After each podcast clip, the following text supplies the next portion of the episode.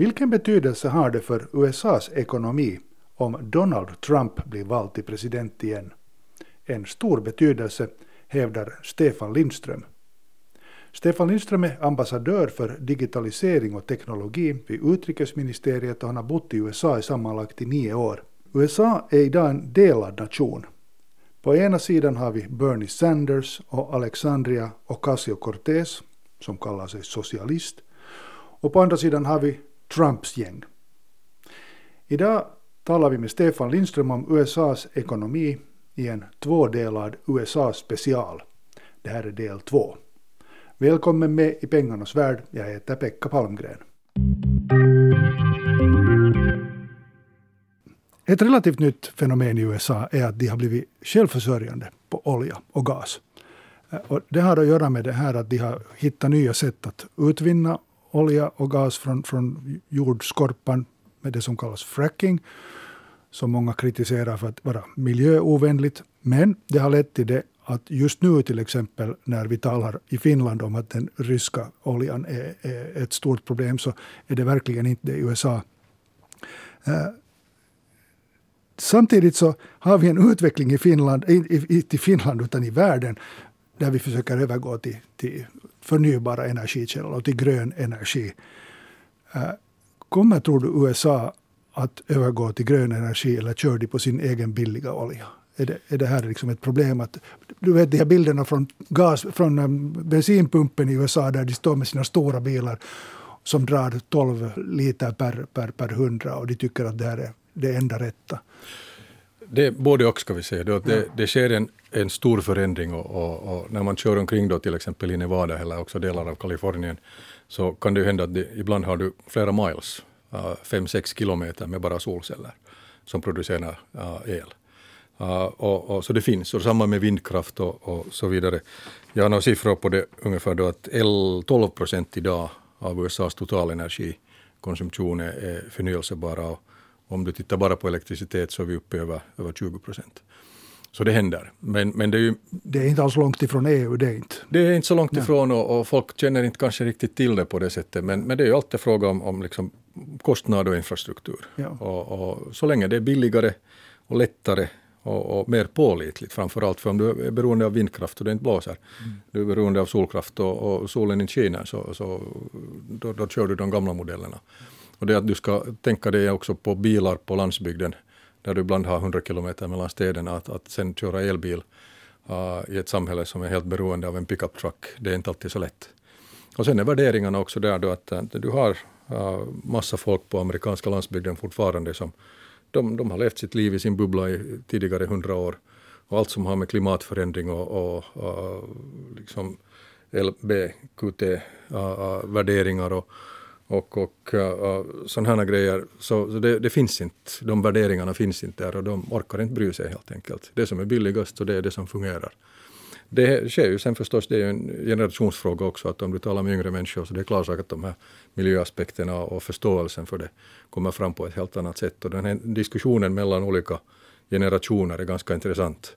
Och man varje år hör man efter Thanksgiving och jul och så när generationer träffas att det har varit lite konfrontationer mellan den gamla och unga generationen om de här frågorna och de värderingarna som det rör sig. Mm. Vi talar här om den amerikanska ekonomin med ambassadör Stefan Lindström. Och jag tänkte komma in på, på sätt och vis på lite mer filosofisk fråga. Eh, jag tänker på den här finanskrisen 2008 som på sätt och vis startade i USA på grund av att bankerna hade alldeles för lösvindigt delat ut pengar till höger och vänster och lura folk att eh, köpa hus fast de inte hade råd med det. Jag förenklar nu, men man kan nu nästan säga så här. Och den, det kallades för subprime-krisen.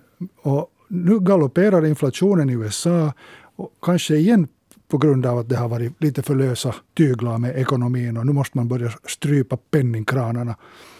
Eh, eller för att inte ta den här historiska jämförelsen från 1929, alla känner till den här stora börskraschen. Är det här, liksom, är det här på något vis essensen i det här amerikanska kapitalistiska systemet. Att det går jättehårt upp och så kraschar det, så bygger man upp allting igen. Och det finns superrika och det finns urfattiga. Och det är liksom både kreativt och destruktivt. Är det här amerikanska samhällets grej? Jag skulle säga att det är inte bara amerikanska nu, det är egentligen hela världen som, som har det, men att det, det kanske accentueras där på ett annat sätt. Och, och i synnerhet det att det är så stor ekonomi så de här skillnaderna blir så stora. Men i, i, i grund och botten är det ju fråga om det att äh, gamla ineffektiva affärsmodeller utmanas. Och, och, och, det har vi ju sett gång efter gång också i, i, genom historien. Ta nu järnvägen som ett exempel som, som slog ut alla hästar. Uh, som ett sådant här radikalt exempel. Uh, lite modernare, sen hade du Henry Ford som, som hade löpande bandet som var första som, och det utmanade ju någonting helt otroligt. Uh, det behövdes ju inte arbetare på samma sätt. och, och om vi tar ett modernt exempel så vi tar median, Netflix.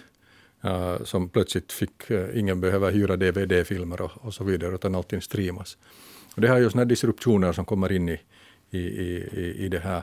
Allting blir mer effektivt och, och, det är någonting vi måste som konsumenter, men också som individer, måste, vi måste ju anpassa oss till det. Men, men som sagt, när det är sen fråga om så stora summor, så stora mängder människor, så blir det alltid så mycket större. Och, och den här uh, skillnaden är liksom, den, den blir Uh, vi talar om potenser istället för tiotal. Och, och då kan, kan, du också ta ett exempel som internet och vad internet har gjort åt handel och allting egentligen de sista 20 åren. Om man tänker bakåt så, så för 22 år sedan så hade majoriteten av finska företag inga internetsidor. Mm. Och idag kan man inte ens tänka sig en värld utan det. Så det, det är nog det som det egentligen är den stora grejen, uh, vad, vad som händer. Men uh, vad ska man sen säga, det, det är nu en del av hela den här utvecklingen på, på, på det. Och, och sen finns det ju då olika, det var ju också en, subprime-krisen var det var också en uppfinning på sitt sätt. Det att den inte var hållbar var ju sen en annan fråga mm. och den användes fel. Så det är också ett, ska vi kalla det, inbyggt problem i, i hela den här utvecklingen. Mm. Så USA kanske liksom en, ett, alltid ett bra exempel på nya grejer som tas i bruk, för de tas i bruk snabbare där än än på annat håll.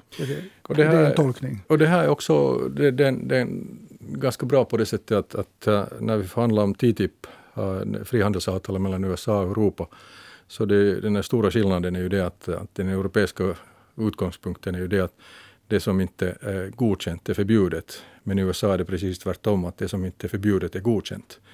Och, och, och när du har den här infallsvinkeln i ekonomin så betyder det ju det att det kan gå fel. Och, det ser vi ju många gånger då, igen kommer vi in på den här frågan om reglering, att, att eh, EU reglerar mera, men det, samtidigt så kan det ju hämma marknader och hämma teknologisk utveckling, hämma ekonomisk utveckling. Men då är det frågan, det är också en värderingsfråga, att vad är du villig att välja? Vill du att vi lever då i en säkrare värld, men som kanske inte är lika ah, framgångsrik eller lika, ah, har ett lika stort BNP-tillväxt som, som de andra. Eller så den andra vägen. Att eh, det, det, det, det är ganska stora frågor vi talar om. Mm. Du som har bott de senaste åren i USA har fått uh, på något vis följa med från, från på nära håll den här polariseringen. Det vill säga det att, att uh, politiskt har de två ledande partierna gått väldigt långt ifrån varandra och det har delat folket, om jag har förstått saken rätt, på ett verkligen också otäckt sätt. Att, att det, det, det, det, det stämmer bra. Ja, det är liksom hårda ord som används. Och jag, läste här någonstans när jag äh, äh, bläddrade i amerikanska tidningar så att en av de här mest omtalade nya politikerna, Alexandria Ocasio-Cortez, som brukar bara förkortas AOC, hon, hon, hon säger till exempel att hon är socialist. Och hon hör till socialistpartiet till och med, förstår jag. Så att, jag vet inte exakt vad det betyder i USA. Men vi har liksom på ena sidan Donald Trumps gäng och så har vi AOC.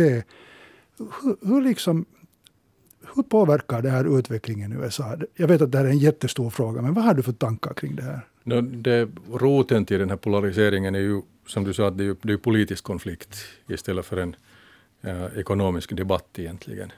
Uh, och, och då talar du igen också om sådana uh, populariseringar och så vidare.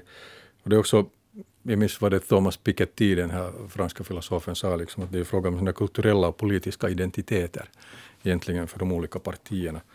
Och, och det har också där att vi talar om sådana här, ah, ska vi säga, förväntningar från ekonomin från olika människor. Då talar vi igen om värderingar på många sätt och vis. Uh, ena delen vill liberalisera allting och den andra vill då också reglera och, och se på det på den, det sättet. Men, men uh, det, det, är också så att om du titta till exempel, det, det kan hämma ekonomin i synnerhet när du talar om federala projekt till exempel. Och nu har ju Bidens administration kommit upp med två sådana jättepaket. Du talade om de tusen miljarder eh, dollar till infrastruktur och så vidare. Och det är intressant att se på det från den synvinkeln att, att när du hade uh, Republikanerna motsatte sig Obamas stimulanspaket, men de stödde Trumps stimulanspaket. Och så motsätter de sig Bidens stimulanspaket. Ja. Så om man tittar på det från den synvinkeln så finns det ju ingen liksom vett och reson i det. Utan det är ju mera ideella uh, bakgrunder till det.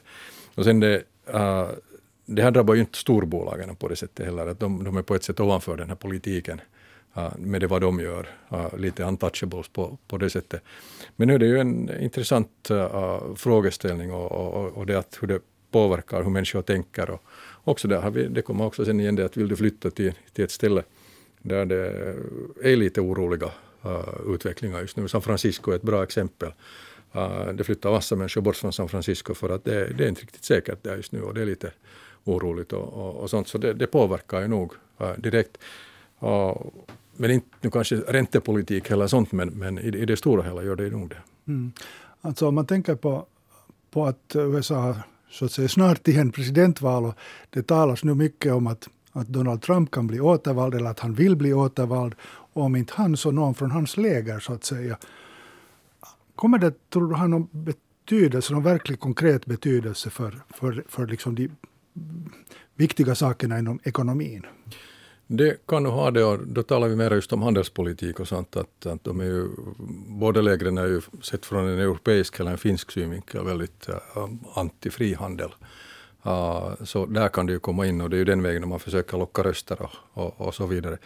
Men, men uh, nu har det ju detsamma sen i USA talar du ju alltid om skatter. Och, och Trumps popularitet eh, kom ju väldigt långt från det att han sänkte skatterna och radikalt. Uh, men sen samtidigt så hade ju den stora fördelen då att till exempel de här stora techföretagen steg i värde, deras marknadsvärde steg med 3, 4, 500 procent. Och, och, när man ser det sen på det att han stod egentligen all ära åt sig från det här. Men eh, faktum var ju det att om du tar bort de här fem techjättarna och sätter till några till, Tesla och Salesforce och, och, och de här uh, Netflix, så är den amerikanska börsens utveckling statisk. Uh, så hela den här tillväxten kom men på grund av att den är så enorm uh, så uh, gav det liksom en ripple-effekt i hela ekonomin på många sätt och vis. Och nu är det på ett sätt ganska sjukt när man tänker på det sättet att flera av de här bolagen idag har samma marknadsvärde som hela tyska börsen tillsammans. Och då förstår man den där kontexten och liksom storheten, storleksordningen på det, på det hela. Men uh, uh om republikanerna kommer tillbaks uh, så jag skulle tippa på att det kommer igen ett stimulanspaket till infrastrukturen om det kommer att gå igenom. Då motsätter väl sig Demokraterna det å sin sida. Uh, men men uh, Republikanerna har ju en sån här mera uh, stimulerande ekonomi sen via, via beskattningen framförallt och företagsbeskattningen, personalbeskattningen och, och personbeskattningen. Att den, den vägen kan det komma.